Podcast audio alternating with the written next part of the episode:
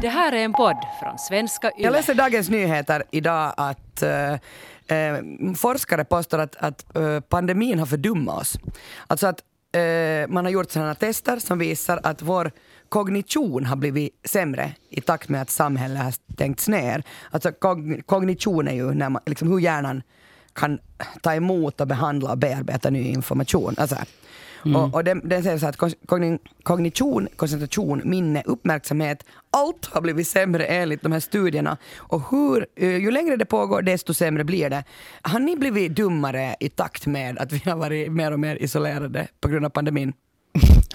Min dumhet börjar nog redan före det här. Att min dumhet börjar med internet skulle jag säga. Före det var jag ganska smart. Jag läste mycket, ritade, jag liksom tog reda på saker. Men sen efter det så liksom ingenting. Jag, jag bara att, ja, men jag kan ju bara googla det. Jag, bara, jag kommer inte ihåg telefonnummer, det, ingenting. Jag kommer ihåg jag, jag var jättenyfiken som unge, jag gjorde ett sånt experiment för att jag hade näsblod jätteofta. Och så var jag sådär att hur mycket näsblod kan det komma? Nu ska jag bara googla det, men då fanns det inte Google så jag samlade mitt näsblod i en burk under en veckas tid för att mäta det. Och mina föräldrar hittade den här burken och de nästan skickade mig till psyket. Men herregud vad äckligt. du är så äcklig. Nej, intressant! Nej, du är äcklig. Jag, nej, jag ville veta. Det, det kommer inte så mycket liksom. Jag har typ aldrig blött näsblod. Men, men det var inte min fråga. Min fråga var att du blivit dummare eller? No, jo, eller inte vet jag. jag är väl, nej, både och tänker jag. Jag tycker det varit ganska skönt att liksom kunna göra annat och typ gå i skogen och vara för sig själv. Eh, och det tror jag ju att man kanske vinner i smarthet på sen. Men sen samtidigt så är det ju som, inte kommer jag ju ihåg hur man har ett typ spirituellt samtal längre. Nej, nej, det är ju det. Hej, alltså nu, förlåt, jag lä- läser vidare här i texten så hittar jag något alldeles förfärligt. Hemsamhet. har ni hört? Ma- nu har svenskarna hittat på det ordet. Eller, det här var nytt för mig. Alltså isolering, Alltså, hemsamhet som många av oss lever i nu. Uj, säger jag bara usch! Va, vad heter det där andra? Hemester. Det är, jag bara dör med de här nya orden. Åh, hem, hemest, åh, det låter som en sjukdom. Jag, jag, Men det är också det är typiskt svenskar på något sätt att inte bara kunna göra någonting utan måste ha liksom ett sånt här trendigt namn på det. Det, bara det enda de har gjort för, käften. det enda de har gjort för coronakrisen där i Sverige att titta på med massa mysiga ord för det.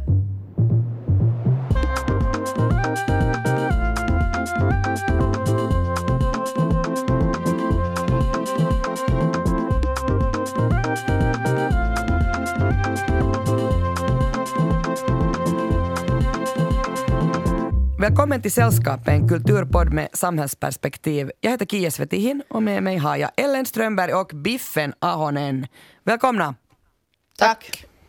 Eh, Biffen, vad ska du prata om idag? Jag ska snacka om konstvärldens nya buzz, det vill säga NFT, digital konst, non-fungible token. Och dessutom ska jag exklusivt i sällskapet avslöja den hetaste NFT-auktioneringen i svensk Finland. Uh, bra. Eh, jag ska snusa på den här trötta debatten som heter att skilja på verk och person. Men jag ska fundera alltså mer på hur skilja på verk och person då det är samma sak. Alltså, personen utnyttjar verket och vice versa för att få mer status. Eller vad ska du prata om? Jag ska trendspana lite inför sommaren. Det här behöver nog jag och Biffen. Ja, Mm, Det var lite verkligen. det jag tänkte. Prata om NFT, det vill säga non-fungible token, som nu, det bussas jättemycket om det. Men vad är det? Det är ett digitalt konstverk. Det är en särskild typ av kryptoteknik som bland annat används vid försäljning och ägande av digital konst. Varje sådan token utgör att digitala konstverks originalitet och autenticitet kan verifieras, vilket i sin tur har lett till att marknaden för digital konst har växt enormt och priserna har skjutit i höjden. Det är lite liksom sådär bitcoin-aktig hype, för det är liksom sådär också kryptoteknik. Men som jag liksom förstår det är att uh, att en NFT, du- har bevis på att du äger ett digitalt konstverk. Det är som ett autentikationsbrev, typ som att du har köpt en Mona Lisa och du vet att den är äkta och inte en kopia, att det är så stensäkert att den är äkta. Och digital konst, det är ju JPG-filer, det är GIF-filer, ljud, ljud, videoklipp. Och nu betalar du folk sig helt sjuka över de här filerna, för det mesta finns ju på nätet helt gratis. Och jag jobbar dagligen med de här filformaterna, så det känns liksom helt absurt för mig att någon ska betala miljoner för dem, när för det mesta så vill kunderna inte ens betala en hunti för någonting. Får jag fråga, Biffen, du pratade för någon tid sedan om eh, Vanta Black. Ja. Eh, är det liksom, är är det det? Att man kan äga den där färgen? Uh, no, alltså, ja, där var ju det, den där principen att han den där Anish Kapoor hade att han är den enda som får äga den. Men med NFT så är det ju inte att du är inte den enda som får äga den. Du kan ju sälja din NFT vidare. Att det, är, det är som ett autentikationsbevis på att den här filen är originalet. Det är liksom så, all, bitcoinare är alla liksom likadana, men det här NFT så den, är, den har en kryptering som är liksom som en nimmare av den här artisten som har gjort den. Att den där är inkrypterat i det att det här är det äkta verket. Okej, jag följer med. Okej, yes. Så om jag förstår så det är liksom att, att det är lite som att ha originalverket. Om jag skulle vara miljonär så skulle jag köpa Patrick Nagels illustration till Duran Durans Rio eller David Bowies omslag till albumet Scary Monsters Super Creeps. Det är ett stort collageverk av konstnären Edward Bell, den är helt fin.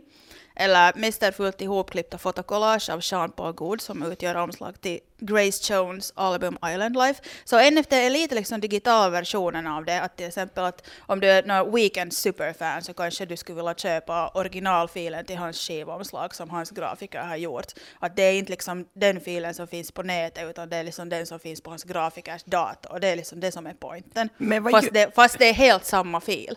Men vad gör man sen alltså med den där liksom? Jag förstår ju att om man betalar mycket för att man vill ha Mona Lisa på väggen hemma. Alltså man gör ingenting. Det här är bara liksom sådär att hej, jag har jävligt mycket pengar för mycket tid och liksom en liten, ni vet vad. Uh, alltså det, jag förstår inte liksom. Det, det, är, bara, det är bara ett bow-style. Liksom Men- att, Man kan ju bara hitta på då att jag har, alltså jag har filen till liksom, den här, det här senaste omslaget. Uh, no, det kan du inte riktigt. Och det, det, nu måste, det finns ju den där autentifikationen och inte kan du bara dra det från nätet. För att i en fil så finns det liksom information att, att när den är gjord och på vilken dator den är gjord. Och, och liksom att, att du kan nog tracea det. Men det, ja, alltså det, det är helt sjukt. Det, jag, jag ska berätta lite här nu att hurdana vad allt folk har köpt och sen så kan det vara så att what the fuck? Men får jag fråga nu, alltså som, det, det där, alltså du pratar om att man kan säga, köpa giffar och så. Men jag tänker liksom de giffarna som jag och mina vänner typ kommunicerar med, de här som man kan välja på olika sådär chattprogram. Eh, så det är ju oftast liksom typ en liten ruta från en tv-serie eller så. Inte kan man ju köpa det. För det är väl inte, alltså, eller vad är originalet då? Alltså jag förstår inte. Jag kommer till de här exemplen. Här Okej. kommer exempel. Så det här är helt liksom sjukt. Ni kommer ihåg Nyan Cat? Nej. Nej, okej, det är en GIF-animation, det är en kort GIF-animation med en ritad katt som flyger på en regnbåge. Den var superpopulär några år sedan och alla delade den och den finns fortfarande överallt på nätet. Och den här originalfilen, den här, som den här typen som har ritat den här, så den såldes för 600 000 dollar. En GIF som är samma som du kan googla på nätet och bara downloada den.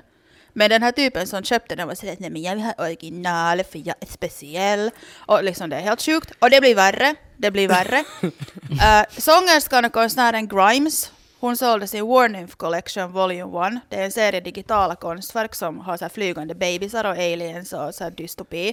Och den, den, de här filerna gick för 5,8 miljoner dollar. Men, Det blir värre, det blir värre. uh, Nathan Apodaka, som blev känd för att han la upp en video på TikTok var han skejtar till tonerna av Fleetwood Macs låt Dreams. Har ni kanske sett det här Jo, klippet? den, den är ju Ja, ja, så han har också hoppat på det här NFT-tåget. Han har satt upp originalklippet i salu med en halv miljon startpris, startpris. Men, men, nu är det ju så att han äger inte rättigheterna till den här låten. Så han säljer endast videoklippet utan ljud. Och jag följde med en, en helt, helt absurd konversation på Facebook var folk var sura på Stevie Nicks för att hon inte lät honom få rättigheterna. För att de tyckte att den här Nathan hade gjort Fleetwood Mac som ingen någonsin hört om, relevanta. och, och, och liksom faktum är att Fleetwood Macs Rumors är ju det åttonde mest sålda albumet någonsin genom tiderna. Alla vet vem de är. Och jag kan liksom förstå nu att någon vill köpa en äkta Grimes-tavla för att hon är, hon är ju inte bara fram, framgångsrik popstjärna, hon är Elon Musks flickvän, hon är mor till hans barn, hon har liksom säkrat sin plats i popkulturen och historien. Men, men sen att någon skulle sätta en halv miljon på en 23 sekunders stumfilm vart någon jappe skejtar, så det är liksom sådär att why would you? Um, och sen en jätteful skiss på The Simpsons-familjen som ser ut att den ritats på 30 sekunder på en iPad i fyllan, gjort av Rick and Morty TV-seriens skapare Justin Roiland. Den såldes för 1,65 miljoner dollar. Och artisten Ryder Rips och Celia Banks, de var sådär att hej, let's cash in. Så de gjorde ett djurklipp vart de har sex och sålde det för 17 000 dollar. Så Det där att, har jag hört om, ja. Ja, ja, det är liksom så att vem, va- va- vem skulle, liksom, va, va, varför, varför? Men det är liksom att, att de alla har hoppat på det här trendtåget och det är jäkligt snabba fyrk för att det är just att de är bland de första, de går in på en megahypad grej och det tycks finnas massor med människor med sjukt mycket pengar. Så jag bara sådär att ja men nu, det är liksom fear of missing out, nu måste jag bara köpa, köpa, köpa.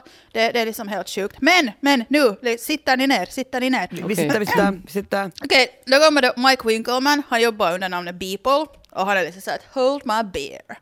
Uh, Beeple han är en perusnördig grafisk designer. Han jobbar med Nike, Louis Vuitton och på sin fritid så gör han digital konst och han har jättelänge lagt upp ett konstverk om dagen på sitt Instagram.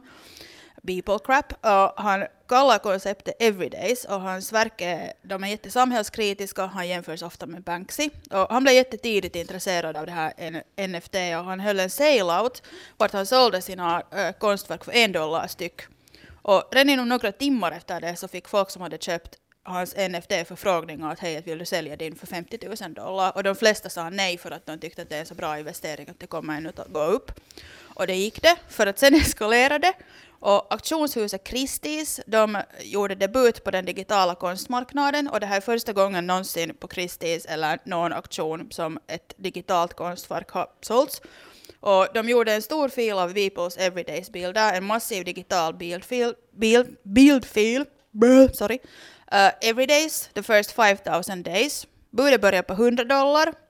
Och kan ni gissa hur mycket den såldes för? Take a wild guess. 200 miljoner eller något sånt. Kia har du. Eh, 100 miljoner. Okej, ni är båda eh, ganska nära. Uh, den såldes för 69 miljoner dollar och det gör att Beeple är den tredje dyraste nu levande konstnären någonsin efter David Hockney och Jeff Koons som båda sålt sina verk för kring 90 miljoner dollar. Men så Beeple själv var helt att hej på det, det här är helt sjukt. Jag liksom tänkte inte ens kalla mig själv konstnär. Ja, han tycker att han är bara en grafiker. Men som han själv säger, sakers värde är bara det som vi bestämmer att det är. Men han tyckte ändå att det var pinsamt att få så mycket, in så mycket pengar bara för filer, så han har sen i efterhand gjort såna stora fina specialgjorda boxar som innehåller riktiga autentifikationsbrev och, och digitala verk på en display som ger det då mer personlig touch och fysiskt värde. För att han gillar säkert själv det också mer. Och alla de här konstverken finns fortfarande på hans Instagram för alla att se. Men jag är ju också då grafiker. Så jag blev Ja. genast snål och jag var såhär vad kan jag sälja? För att jag har gjort jättemånga inhemska klassikeralbums omslag om det skulle finnas några idioter som skulle betala en mille för PMMPs eller Jenny Vartiainens originalomslag eller Sunrise Avenues logo eller Samu Habers tatueringar eller whatever. Och, och faktiskt nu i helgen så messade Kisu mig att hennes fan hade tatuerat in Polaris-albumets logo. Så här finns liksom, jag ser att här finns en marknad. Mm. Sen, sen kom jag på det att jag har ju faktiskt gjort Bertils logo, ni vet han som är i bokklubben. Och den logon är handskriven av mig. Tänk vilken födelsedagspresent åt favoritbarnet. Så om någon vill köpa en Bertil NFT, mejla sällskapet yle.fi och budgivningen börjar på 150 000 euro. Alltså det är du som är, står bakom de där kråktassarna? Ja, Ja, okej. Just tänk, det. och, och, och det är Klaus och Lotta som sjunger. Bertil. Okej. Hör du, eh, jag eh, kan ju tycka faktiskt att det är lite dumt att du inte... Eh, alltså du, du, som, som du sa det där med, med Kiso och, att någon hade tatuerat in den. Det, det är din made liksom. Det är du som... Alltså jag, det är jättemånga som har tatuerat in en bandy-logo som jag har gjort. Jag tycker att det är jättecoolt. Jag, jag, skulle, liksom, jag tycker att det skulle vara jättepinsamt att börja ta betalt för jag det. tycker inte. eh, jag tycker att det är pinsamt att du inte har betalt. Du, du måste ju upphöja dig till liksom den här konstnärliga statusen. Jag, ty- alltså Ja, jag blir jätteprovocerad av det här. Alltså inte av dig Biffen. Nej, jag vet. Alltså jag är som sådär... ho- Nej, alltså, jag blir ho- också. Det, det är hemskt. Ja, det, det är hemskt. Och då, tänk, för då försöker jag liksom hålla mig sådär open-minded inför konst och bara sådär jo, jo, nej, men jag förstår att folk betalar för det här som jag kanske inte riktigt förstår, som inte är en klassisk tavla eller bla bla bla. Men det här, alltså att betala 69 miljoner för en, alltså för en fil. Alltså Ja, har, som, som du kan ladda ner egentligen från nätet om du bara har lite extra tid. Så du skulle bara kunna gå igenom hans Instagram och göra den helt själv. och sen är folk sådär, nej men det finns inte pengar för att typ höja vårdpersonals lön. Man bara, ja tydligen finns det ju pengar, det är ju bara att de är på fel ställe.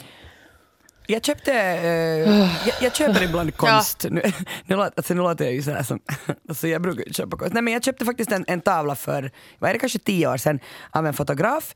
Och det där, då tänkte jag också sådär att, men jag kunde ju också bara printa den från, liksom, från nätet. Men det är ju en annan sak att, att liksom, jag har hans eh, signatur, alltså fotografens signatur på tavlan och så vidare. Alltså den är ju, det, jag tänker att så här, om allt annat skiter sig så ska jag sälja den tavlan. Den är alltså, Alltså- värd tusen euro, det är inte, inte som att jag Alltså- överlever länge men. Oh, jag kommer ihåg kanske, uh, jag vet inte, 15 år sedan så en, en konstnär, Sean Barber, och jag hittade honom på nätet och sa att åh gud, de är så fina. Och jag messade honom att det här är en tavla som jag skulle vilja köpa, den kostar 2000 dollar. Och jag var sådär att ah, det är för mycket, ja, för att jag var så här superfattig liksom, frilansare då. Och det har man mig jättemycket. Och sen, sen liksom kanske ett halvår efter det här så exploderar Kat Von D började samla på hans tavla liksom, och, och alla stjärnor började, det så priserna gick upp helt sjukt mycket. Så liksom, jag skulle kunna, ja det, det harmar mig fortfarande men så är det.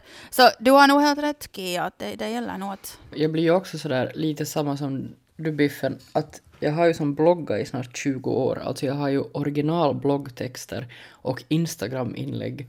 Jag undrar om jag skulle få pengar för dem om jag skulle lägga ut dem. Maila oss på sällskapet yle.fi. Sen å andra sidan tänker jag så här att, att om eh, tio år så kanske vi, vi liksom är sådär, tänk att vi då tyckte så här att inte det är konst för det är digitalt. Alltså att, att vi kanske måste tänka Alltså om. det, är ju, det är ju inget fel i att sälja digital konst, men att de där, det är de där priserna som är så absurda. Det, det är ju liksom att om de skulle bli så för fast vi säger 50 000, vilket det redan är helt sjukt. Men liksom 69 miljoner och att, att, att det är liksom att det är bara Jeff Koons och David Hockney som är där före. Det, det, det, det, det känns absurt, jag menar. Men det var ju precis Ja. som Beeple sa, att saker är bara så värdefulla som vi bestämmer att de är. Jag börjar i min trygga ända. Ni som känner mig av sällskapets lyssnare vet säkert om min vurm för Latinamerika. Men Narco Corrido, det är en typ av ballad eller så här dansmusik som sjungs i Mexiko och den handlar alltid om narkotikahandeln. Alltså ta så här, Vikingarna, Donnes, Tommys, Alcatraz, men de skulle sjunga om knark. De här sångerna har funnits eh, sedan 1970-talet och de har blivit särskilt uppmärksammade genom drogkriget i Mexiko. Men hej, alltså Pancho Villa hade den under liksom mexikanska revolutionen. Liknande kampsånger, att inte det är på det sättet något nytt. I Brasilien finns det något som heter baile funk. Eh, det är alltså ett fenomen som ursprungligen kommer från slummen och de här kriminella gängerna. Och där liksom har man velat kriminalisera funken därför att man är sådär, nej men det är ju bara brottslingar som håller på med det här. Nåja, men det här Narco Corrido, eh, så det är liksom då band som spelar och sjunger om knark, knarkmaffians liv och, och texterna liknar liksom då värsta sortens gangstermusik med såna väldigt våldsamma texter. Men istället för hiphop så är det dansbandsmusik.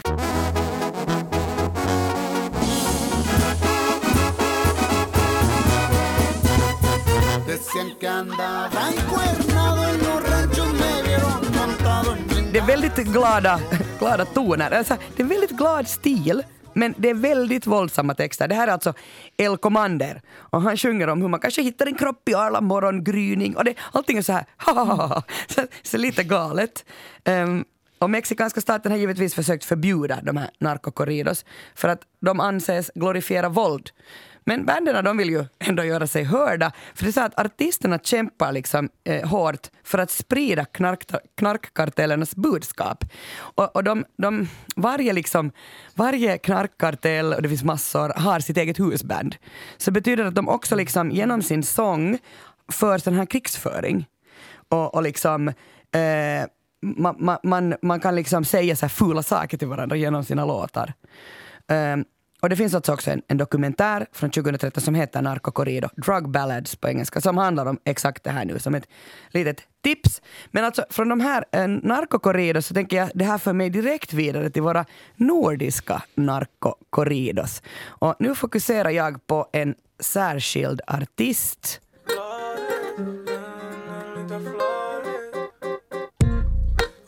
För mina rader istället för att hylla mig med priser och pokaler. Polisen vet jag är kapabel. Kriminalvården flyttar runt oss som nomader. Där ute jag kan fylla lokaler. Där ute jag kan lägga Eh, känner ni till Yassin?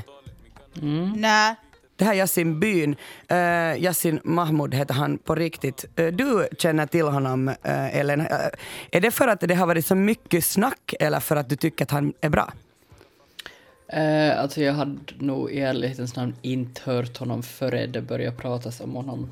Eh, I typ, ja just angående det här glorifierandet av en massa priser och sådär. Ja, precis. Men jag tar en kort sån här, vad har vi på honom? Uh, Yasin Byn, eh, han kallas alltså eh, sig själv för, eller efternamnet Byn kommer från, eftersom han är hemma från Rinkeby. Eh, 23-årig rappare. Han är svensk hiphops, eh, en av svensk hiphops största stjärnor. Han har hundratusentals strömningar varje dag och nära en miljon lyssnare per månad på Spotify. För några veckor sedan så sopade han bordet på musikgalan P3 Guld. Han fick alltså pris, det största priset, alltså som årets artist. Uh, sen fick han också årets hiphop rb pris Och i början av den här veckan blev han nominerad till kategorin Årets textförfattare på Grammisgalan. Men förutom alltså att vara artist så är Yasin förknippad med grovt kriminella gänget Shottaz. Och under fem års tid har de varit en del av det här blodiga gängkriget som har plågat Stockholms förorter. Och förra veckan så inleddes eh, Sveriges största rättegång mot kriminella gäng, Vårbynätverket. Och här är alltså en av de här åtalspunkterna. Så gäller stämpling. Stämpling betyder alltså att man förmår någon annan begå ett brott i ens eget ställe. Mm. Och, och, det där stämpling till människorov, och människorov betyder alltså kidnappning av en annan artist. Och det här skedde i april 2020. Yasin åtalas på den här punkten, alltså för förberedelse till människorov. Mm. Och, eh, Hugo Lindqvist skrev en jätteintressant text i Dagens Nyheter för en tid sedan. Och där handlade det om alltså hur låttexter och musikvideor från raplåtar ingår som pusselbitar i den här gängbrottsutredningen. Och att man liksom enligt förundersökningen så finns det så här musiktematisk koppling mellan ett flertal individer som är alltså parter i kidnappningsmålet. Mm. Och den här förundersökningen som är alltså tusentals sidor lång, så eh, det finns flera hänvisningar till svenska rapscenen, det finns uppgifter från låttexter, musikvideon. Och den här informationen används då bland annat för att visa kopplingar mellan personerna som har varit inblandade då den här 17-åriga rapartisten kidnappades, alltså för ett år sedan ungefär. Idag, för ett år sedan, 14 april 2020, gud vad obehagligt. Mm. Naja, men det där... Men, men musiken alltså spelar ingen roll för brottsligheten, säger åklagare Anna Stråth. Och det här liksom, det här är ju helt intressant alltså, att brottslingarna bryr sig inte om musiken, men vi bryr oss om att de är brottslingar som gör musiken. Eh, den här 17-åriga rapartisten har alltså enligt åtalet blivit bortförd mot sin vilja. Och eh, då, under att han blev bortförd så utsattes han för förnedrande former för hot och våld. Han har bland annat tvingats bära peruk, klänning, string, trosor, ha ett hundkoppel runt halsen. Han har rånats på en Rolex-klocka och två guldkedjor. Och de här inblandade är alltså musikartister i samma genre, men de tillhör inte samma kriminella gäng som offret. Men de är alltså alla med i kriminella gäng. Så det är alltså en gänguppgörelse. Mm. Brottsoffret har vägrat samarbeta med polisen. Uh, och det här är ju alltså för att man kallar inte till Aina, polisen då alltså, i de kretsar som artisten rör sig i. Men då har man gjort så att man i den här förundersökningen då istället refererar till låttexter som brottsoffret står bakom. Och man har liksom markerat enskilda rader. Den här misstänkta kidnappningen nämns inte rakt ut men de här te i texten så verkar artisten anspela på något som den här personen har blivit utsatt uh, för. Så alltså det finns en anledning att ställa frågor till de inblandade om vad man egentligen menar med sina texter. Mm. Uh, det är ju inte första gången sådana raptexter återges i för, förundersökningar kring grova brott. Um, man har haft sådana sådana liksom utredningar i till exempel USA och, och Storbritannien. Och det, det påstås liksom att det är ingen skillnad om man refererar till verkliga händelser i en chatt, en bok eller i en låttext. Om man förmedlar information kring sådana möjliga brottsaktiviteter så är det intressant för det polisiära arbetet. Det här alltså säger Amir Rostami som är eh, kriminolog. Han blev intervjuad i Dagens Nyheter någon, för en tid sedan liksom, just angående det här caset. Uh, för mig liksom är det nu ändå... Så nu har jag kanske vetat att man på något sätt kan använda eh, låttexter i en rättegång. Men det känns ju ändå som att det är, det är liksom påhittat. Men, mm. men, men om jag nu har förstått det rätt så det här är inte påhittat. Alltså låt, låttexterna speglar verkligheten. Eh, jag tycker det här är så svårt. Alltså det känns som att jag sitter fast i en sån här uh, snarväxt som bara liksom slingrar sig mer kring mig ju mer jag försöker fundera och formulera någon slags åsikt kring det här.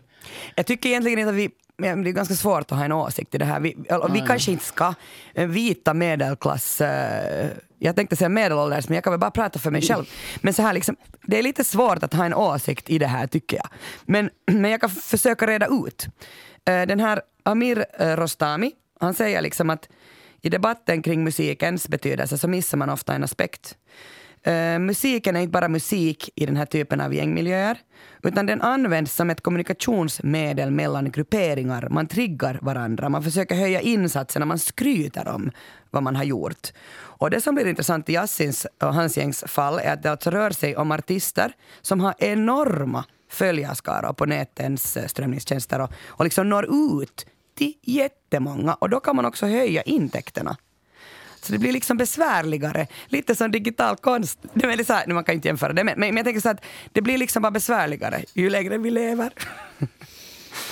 men, men konflikten, eller ja, nu eh, före vi en brasklapp, att jag, jag har faktiskt jättesvårt med att använda uttryck som gangsterrap. För det är liksom det som man vill kalla det här.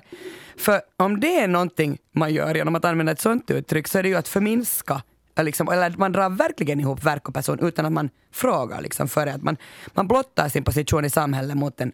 Och, och vem är jag? Jo, jag är vit, präktig medelklassjournalist. Men en sån här konflikt, alltså i fallet med konstnärer och artister som inte är kriminella utan bara kontroversiella, så det brukar man ju lösa genom att man etablerar en jättestrikt åtskillnad mellan verk och person. Och mm. själv klarar jag liksom inte av att lyssna på Michael Jackson mera trots att jag har vuxit upp med hans musik och älskar den. Jag tycker inte att Soran Ismail är särskilt rolig. Och jag tycker att Morrissey borde ha lärt sig att hålla käft. Men jag accepterar hur Wagner skrev in sin antisemitism i stycken av sin musik. Jag har också accepterat hur nobelpristagaren Peter Handke som har kallats för folkmordsförnekare, krigshetsare, ändå fick priset och att vi läser hans böcker. Jag accepterar och älskar Yahya Hassans poesi trots att han hade en jättekriminell bakgrund och han satt inne för brott så han blev ändå nominerad till Nordiska rådets litteraturpris. Men han tog alltså tyvärr sitt liv innan det var ut, prisutdelning. Men en annan sak liksom är ju ändå att det här är ju att, att, att på något sätt skilja på, på vad de har sagt och vem de är. Eh, och vad de gör för konst. Men, men om du i din låttext närmar dig sån här uppvigling till brott Eh, så är det en annan sak. Simon Bikindi, han var en av Rwandas kändaste artister, men han åtalades i FN-tribunalen ehm, med sina han har så folkmusiksinfluerade hatiska raptexter och det har medverkat i psykologiska förberedelser för folkmordet på tutsier i Rwanda 1994. Han, sitter, han fick 15 års fängelse. Alltså det är ju inte så, så kort mm. tid heller. Ice-T, alltså den amerikanska rapparen, mm. han skrev 1992 låten Cupkiller. Och den handlar om en person som har tröttnat på rasistiska snutar och tar saken i, i egna händer. Och hans försvarare sa att ja, Bob Marley han har ju sjungit om att skjuta uh, sheriffen och han fick liksom inte alls utstå samma mängd kritik för det. Och den vita rapartisten Frej Larsson känd från bland annat Slagsmålsklubben, Maskinen, Far och son. Han dömdes för hot mot tjänsteman. Han hade en låt eh, Då ska hon skjutas. Och det var en mening liksom, som man ansåg att var riktad mot en chef inom polisen som har beslutat, liksom, eller stängt ner en fest som Frej Larsson hade arrangerat i Stockholm. På sitt mm. Instagramkonto skrev Frej Larsson då om den här domen. Poliser har skitdålig musiksmak. De kan inte ha tolkningsföreträde i konst. Men anyway, alltså nu, nu vid månadsskiftet så uh, friades han av Högsta domstolen som anser att, att låten faller inom yttrandefrihetens ramar. Och, och då säger alltså, lyssna noga, HD säger att, att text och musik som framförs i kulturella sammanhang måste få tillva, tillåtas vara provokativa, utmanande och provocerande. Men om vi går tillbaka till, till Jassin.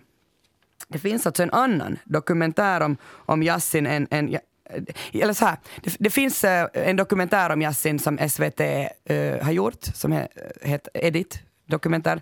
Jag sätter alla de här mina källor i, i, hänvisnings, i he, eh, källor och hänvisningar i, i referensbeskrivningen där i, mm, på arenan. Men alltså det finns en annan dokumentär om Yasin som inte det har talats så mycket om. Den heter Yasin Simi Shine. Den kom för en månad sedan och den är jättekort, alltså typ under 30 minuter. Det är en kort dokumentär.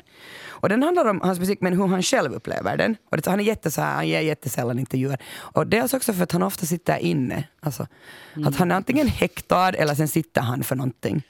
Mysig typ. Ja, ja, och tänk så ung han är, 23. Nåja, men, men i den här dokumentären så, så säger han att jag vill inte kompromissa med min konst. Eh, och så, så tillägger han med en hänvisning till sina fans med en hänvisning till sina fans.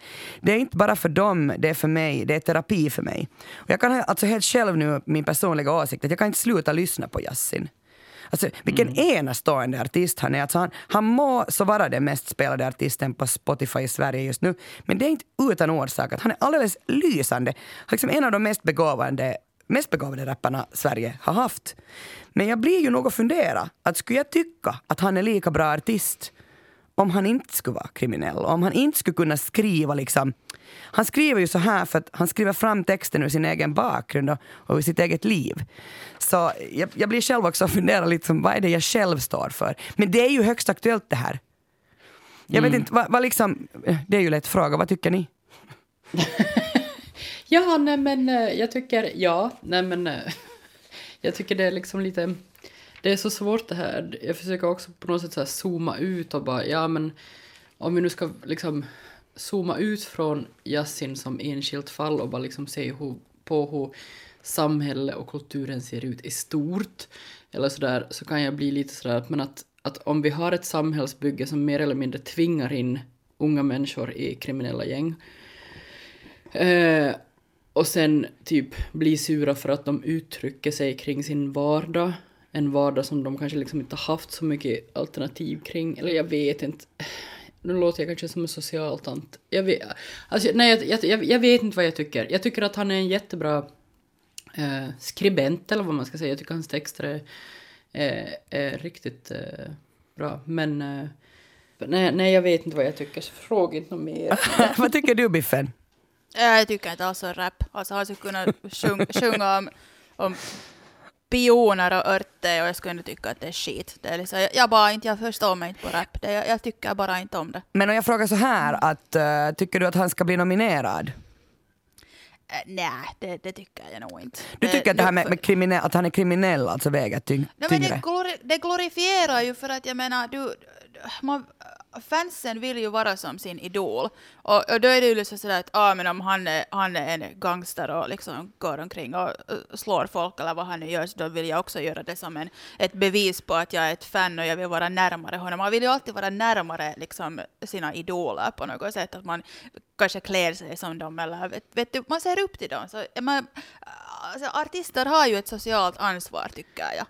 Men börjar någon faktiskt gå, blir någon gängkriminell av att lyssna på Yasin eller liknande artister? Alltså, är det Det, det, det tror, inkörsporten? alltså, nu, inte, inte vet jag om det är inkörsport, men alltså det är ju... Uh, det var, alltså jag tittar på TV inte sådär jättelänge sedan att det finns också en sån här klädtrend nu att man, som, att man ska klä sig som gäng och då har liksom folk börjat fightas för att de vet inte att vem som är poser och vem som är på riktigt liksom en del av det här gänget. För att det är ju också redan att du ser ut som om du skulle vara i ett gäng så det kanske utgör någon slags hot. Vet du? Eller kan vara helt farligt för dig för att de har ju haft liksom helt drive-by shootings och grejer. Jag menar du kanske klär dig på ett visst sätt och någon kör förbi och säger ja men honom pammar vi.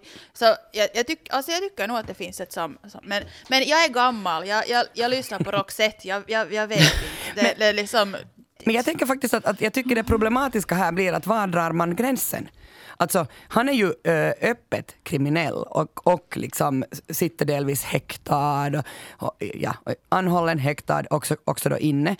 Men sen tar du någon annan, liksom någon uh, våldtäktsman som sjunger låtar, alltså, så kom uppdagas det. Om du tänker på till exempel Marilyn Manson som nu har varit i, i, i Strile och han är ju helt cancelled. Så han har ju gett, ah, det har ju varit så mycket bevis liksom genom tiden och där också hans skivkonvolutbilder och lyriker och hur han har sagt i intervjuer att han drömmer om att krossa skallen på sin flickvän och alla har sagt ja men det är bara coolt för att han är ju lite så gottig och det, det är lite samma sak att man glorifierar sånt liksom pissigt behavior bara för att någon är artist. För att det känns liksom ofta sådär att om någon är artist och någon är känd så they can get away with shit. För att det är liksom så att ja men han är Nå, ju känd, ja men han är mus, ja men det, det, det, inte är det så inte, de är också bara vanliga människor som har eh, gasproblem och eh, kan vara dumma i huvudet. Inte, inte, inte artister är bättre än alla andra. De, det, det, det kan störa mig liksom sådär. Men det är ju kanske också en arbetsskada men det här, ja.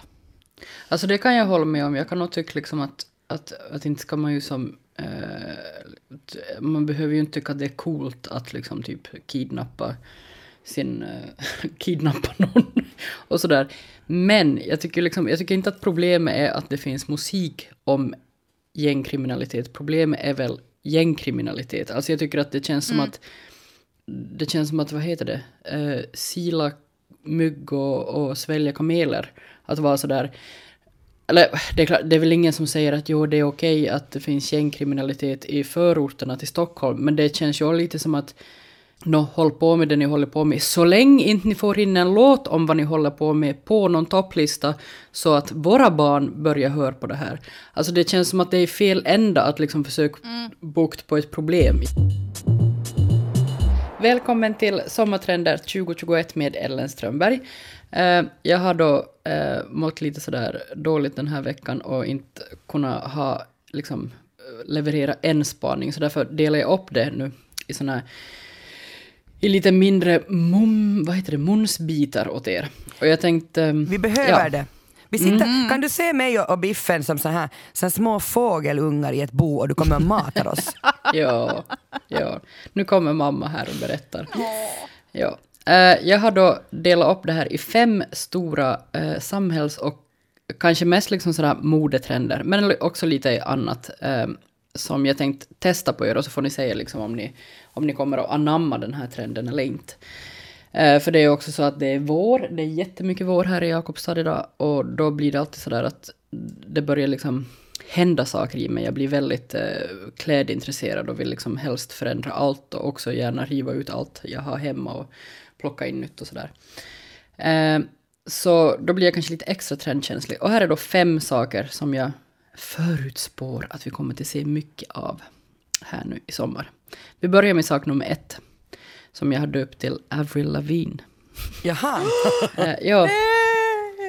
Okej, ja. Roligt att jag får reaktioner. Nej men det är ju så att det här sena 90-talet och tidiga 2000-talet har ju länge regerat som någon slags tidsepok nummer ett att hämta inspiration från sådär rent eh, modemässigt. Och eh, dessutom så har ju den här, om vi ska prata om modesilhuetten, så den har ju blivit mycket mer lös ner till de här senaste, eller det här senaste året kanske. Eh, skinny jeans är ju som det värsta man kan ha på sig nu för tiden då.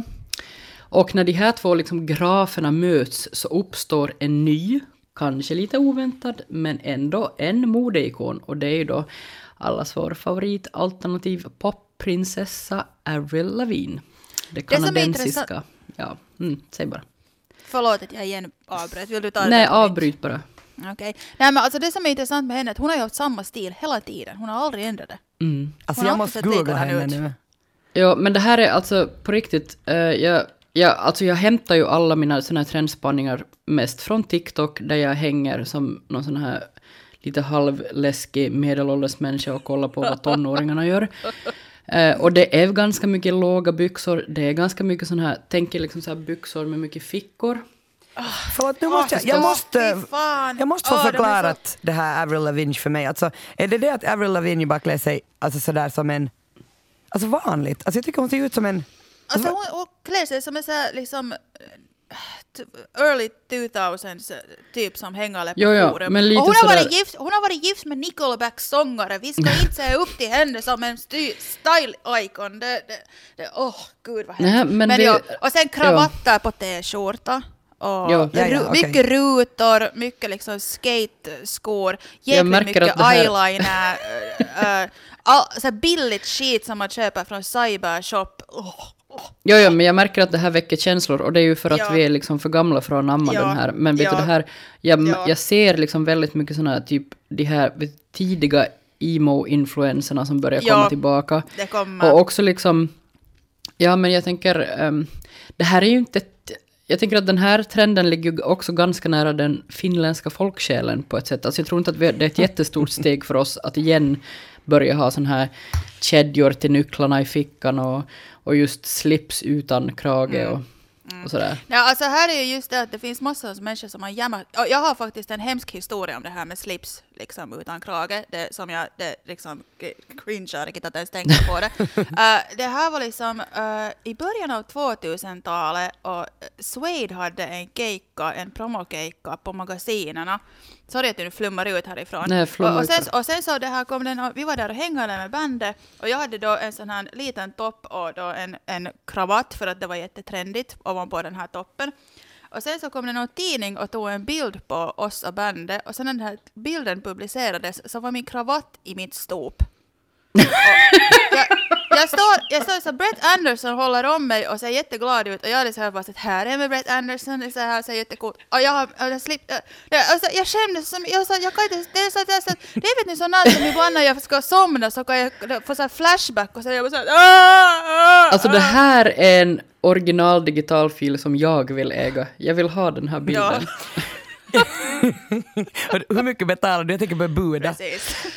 Men jag tänker att nu när jag googlar Avril Lavigne och liksom förstod vad ni menar, så för mig handlar det om att jag såg ut så där när jag var 17-18. Mm. Lite så för mycket eyeliner och liksom just, jag gick så mycket med slips ut, utan Mm. Ja, kragskjorta. ja, det var också den där tiden jag rakade bort allt mitt hår. Nej, nej, nej. Jag, jag, ja. och det är liksom väl också, jag tror att jag binder nu ihop det här, eller varför jag blir sådär åh vad äckligt, är för att jag, jag minns själv att jag har aldrig varit så mogen som när jag var 17. Alltså, jag har Ja. aldrig varit sådär lillgam, så lillgammal Ja, som jag var då. samma. Och det är väl de där tankarna och det där, jag kommer ihåg hur jag var, hur jag gick omkring och var sådär, här kommer jag. Jag är så bra. jag är så bra. Ja. Tänk, tänk vad man var, man var inte värd något. Liten skit. Ja. Ja. Men vad heter det, det här är kanske då en trend kanske för de yngre lyssnarna och inte för oss som en gång redan har varit, har haft våra slipsfadäser.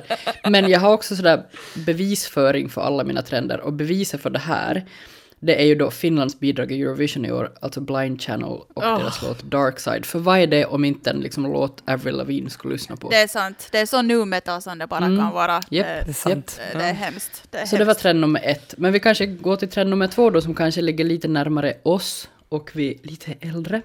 För eh, den här trenden har jag då valt att kalla snickerboa. Eh, och det är ju efter att vi alla har sådär under coronaåren eh, lärt oss sticka och virka och dreja och baka focaccia och allt vad vi har gjort. Så nu ser vi ju liksom kollektivt eh, nu ser vi oss om efter nästa stora sådär hantverks och pysseltrend. Och va, vart, vart ränner vi då? Ja, till snickerboa. Och det här är ju också praktiskt. Alltså dels så är det jättetrendigt att tälja och snickra. Alltså, ju heard it here first. Eh, Men sen så är det också att eh, vi får ju väldigt mycket sån här modeinspiration av Alfred och Lina i Emil Lönneberga. Så det är liksom two in one i den här trenden.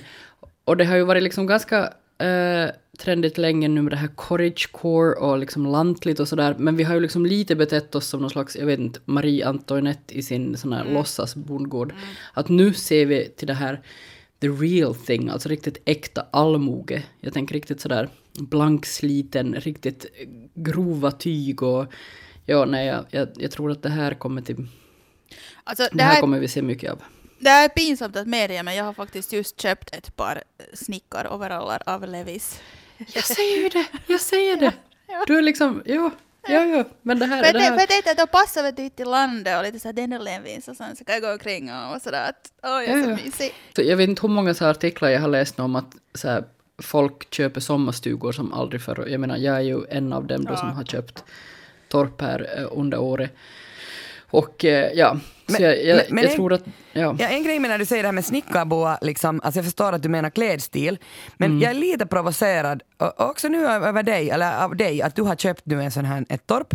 Alltså är det sen så att du klarar av själv att fixa allting? För det Mm. Nej, ju- gud nej, nej, nej, nej. Alltså jag poserar ju. Det är ju Ja. mest en kuliss för min Instagram. Just det. Ja, för, för att så jag är ju liksom, eh, jag har just flyttat, jag får inte ens upp, jag kan inte själv borra upp tavlorna på väggen för att jag på riktigt, jag tror att jag bara skulle förstöra allting. Så det är lite provocerande när människor säger men gör det själv! Du kan bara snickra ihop det själv. Men, bara, men ja, det kan jag inte. Jag, jag klarar inte ens Ja, av att sätta på tvättmaskinen. jag tänker att, att det är det som vi måste också liksom anamma av den här trenden, just det att det behöver inte vara perfekt och det behöver inte vara det här härliga rabattblommorna. Alltså tänk mer att det, liksom det mer trendiga är liksom den här smutsiga rovan på något sätt. Eller förstår du vad jag menar? Jo. Att liksom äkta landsbygd är ju inte eh, alltså så bildskön. Så jag menar, det, det behöver inte bli perfekt. Och Nej. beviset för den här trenden är förstås Hjälp, vi har köpt en bondgård som finns på SVT Play, alltså med Britta Zackari och Kalle Wahlström Så bra, så bra. Ja. Eller för den delen, jag och mitt torp.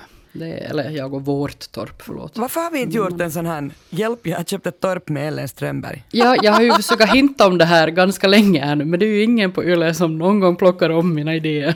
Jag ska prata med mina producenter. Gör det. Trend nummer tre hänger ihop med det här snickerboa och det är smuts. Ja, det här är, ni hörde rätt. Hudvård, smudvård. Nu är vi trötta på det här beautyrutinerna i 40 steg. Nu ska vi ha lite skit i hörnen. Och vi har ju liksom, förutom hela den här hudvårdscrazen, så har vi också typ så här KonMarias varje hörn av hemmet och, och liksom all design har blivit sådär strömlinjeformat på något sätt. Och, men nu, nu, alltså nu vänder det. Nu ska, vi liksom, nu ska det vara lite här smutsigt och stökigt igen. Och det här älskar ju jag eftersom jag hatar att städa. Eh, och det, alltså, jag menar inte att vi ska bli sådär... Det är inte som att man ska gå och smeta lera i ansiktet. Men det trendigaste liksom handen du kan visa på Instagram nu är inte en sån här snygg pastellig manikyr med såna här eh, kattklonaglar. Utan det är ju liksom de här sorgkanterna när du har stått och grävt i någonting eller så. Eh, och det här hör ju såklart ihop med någon slags längtan till det dekadenta och det jordnära. Är, är ni skitiga eller rena?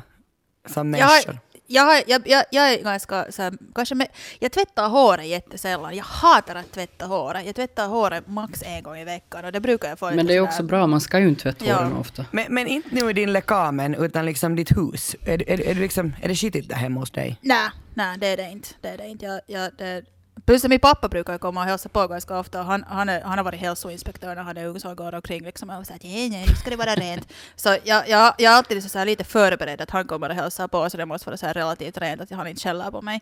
Men- så, Jag, ja. jag tycker inte heller jag har jättesmutsigt här hemma, men eh, om du frågar mina mer pedantiska familjemedlemmar så tycker de ju det. Just det.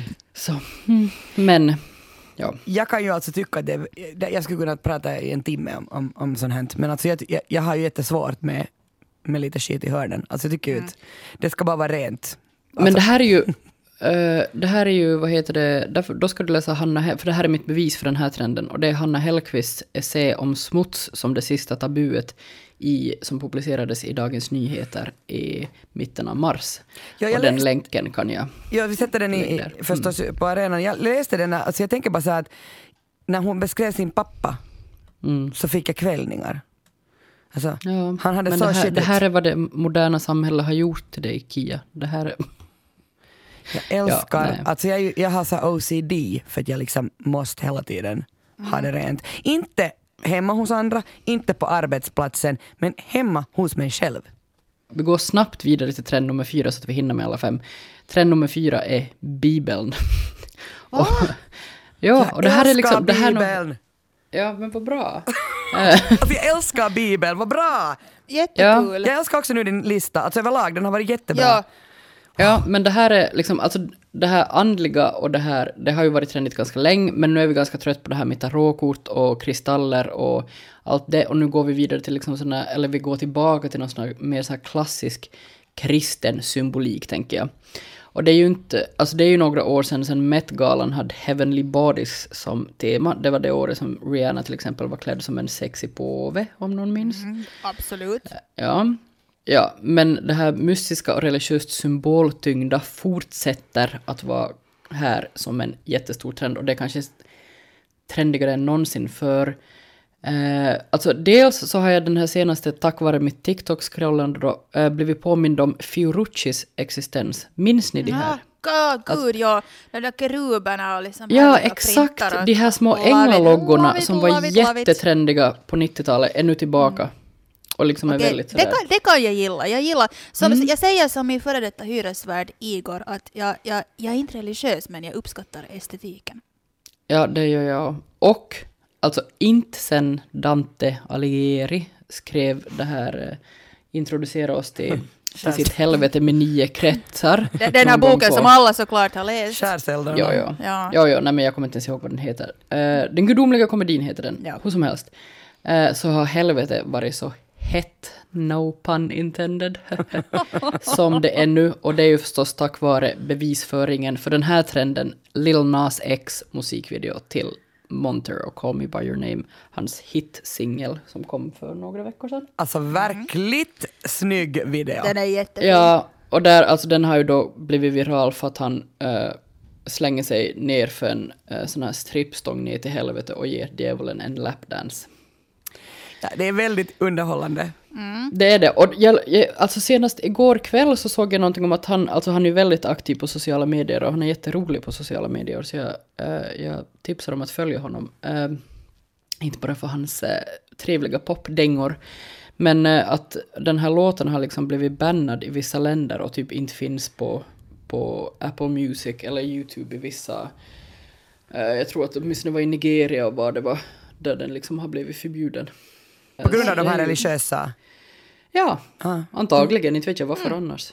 Det är ju... Ja. Jag läste också att några konservativa i USA förstås var väldigt upprörda. ja. Eh, jag Är måste de ju... inte alltid? Jag skulle det är Ja, ju ingen antik- överraskning. alltså, uh, visste ni att det finns faktiskt en, en alternativ version till Netflix egentligen, en sån där Pureflix, som är liksom så här kri- kristna versioner av, av populära serier och de lär vara helt liksom superkökiga. Mm, oj, det här blir jag sugen på. Jag måste, Ja. jag måste ändå replikera här nu till Biffen direkt att jag har förstås läst Dantes Den gudomliga komedin. Men det har, Såklart. jag, har- jag, är- jag studerar litteraturvetenskap, man Ja. måste läsa den om man inte just den, den föreläsningen sov. Men jag läste den och, och det där, min, mitt utrop här om Bibeln är bäst är alltså att jag tycker på riktigt, vi, vi var då också tvungna att läsa Bibeln. Eftersom det faktiskt, alltså, om ni frågar mig, nu är det nu en, en bra text alltså. Det är en jätte, jätte välskriven eh, saga som jag tycker Alltså det delvis, inte ju, alltså andra Moseboken är väl inte jätte sådär. Nej, och jag kanske nu ska säga att, att jag tycker bättre om Nya Testamentet och den bok jag älskar allra mest är Barnens bibel. Det där liksom, that, that's where I get it. Och under påsken så hade jag så här, till, till mitt eget barn och till mitt, min systers barn så, där, så måste de lyssna så här när jag läste om när Jesus hängde på korset. Men det är ju jättebra! Eh, det, det, då hade de en massa frågor om det som jag svarar på. Jo, nej, men alltså jag tycker också att Bibeln kan vara underskattad som, som inspirationskälla. Så därför är jag glad att Lil Nas X har då eh, påmint oss om, Om Bibeln. himlen och helvetet. Ja, Just väldigt bra. Ja. Ja. Mm. Sista trenden, och den här är liksom den starkaste trenden av alla och på sätt och vis också knyter ihop alla de här fyra tidigare trenderna. Och det är ju förstås fest. För jag menar, alla trender och alla samhällsrörelser är ju egentligen bara motreaktioner på något som liksom tidigare har varit. Eller nå- alltså, en trend är alltid en motreaktion till en tidigare trend. Och nu efter typ ett och ett halvt år av mer eller mindre husarrest så är vi som redo att festa mer än någonsin. Och med Ja. vaccin i kroppen så kan ju the roaming 20s äntligen börja. Det här är första gången på väldigt, väldigt länge som mat inte är det trendigaste längre. För att nu vill inte någon liksom, ingen ork med långkok och sån här som folk har hållit på nu i typ 20 år med. Utan nu ska vi leva på drinkar och kanske någon liten snitt och kanske någon, inte vet jag, partydrog om man är så Ja. lagd. Men, men alltså The Roaring Twenties har de ju liksom till och med förutspått att det kommer att komma i- eftersom det liksom kommer att komma efter just pandemin. Men de har sagt att det först ska komma någon gång 2025. Jag orkar Alltså, jag kan säga så att- länge. The roaming 20s börjar redan i sommar på mitt torp. Om jag så ska sitta där själv och festa, men jag tänker festa i sommar för mig själv, Ja. om inte någon annan. Och det här är ju också, alltså fest är ju på det sättet en ganska demokratisk trend också för att oavsett om du då väljer att ställa till med logdans bland allmogen i Snickerboa, eller om du ger djävulen en lapdance, eller om du tillsammans med Avril lavin trashar någon skatepark eller någon sån här köpcenter, så är det ändå liksom, du kan festa på ditt eget sätt. Och det här ser man också, alltså, jag har skrivit att beviset för den här stora trenden då är då allt, allt pekar mot det här. Och, men om ni nu vill ha någonting lite mer konkret så kan jag säga att modehusen i år har eh, gett oss mer glitter och glamour och liksom typ så här partytoppar och så än vad man har gjort på väldigt länge. Så liksom modet pekar också till eh, att nu ska vi liksom lägga på oss någonting som glittrar och eh, släppa loss. Och det ser jag fram emot. Ja, verkligen. Jag med. Utmärkt. Hej, tack Ellen och Biffen för sällskapet. Tack, Tack. Kia! Och kom ihåg vår aktion på Sällskapet att Just det. Ja, är det någonting ni vill köpa av oss så, så skriv till oss på sällskapet.yle.fi också om ni har några frågor eller om ni vill påstå någonting. Alla referenser hittar du i avsnittsbeskrivningen på arenan. Vi hörs, hej då! Hej hej!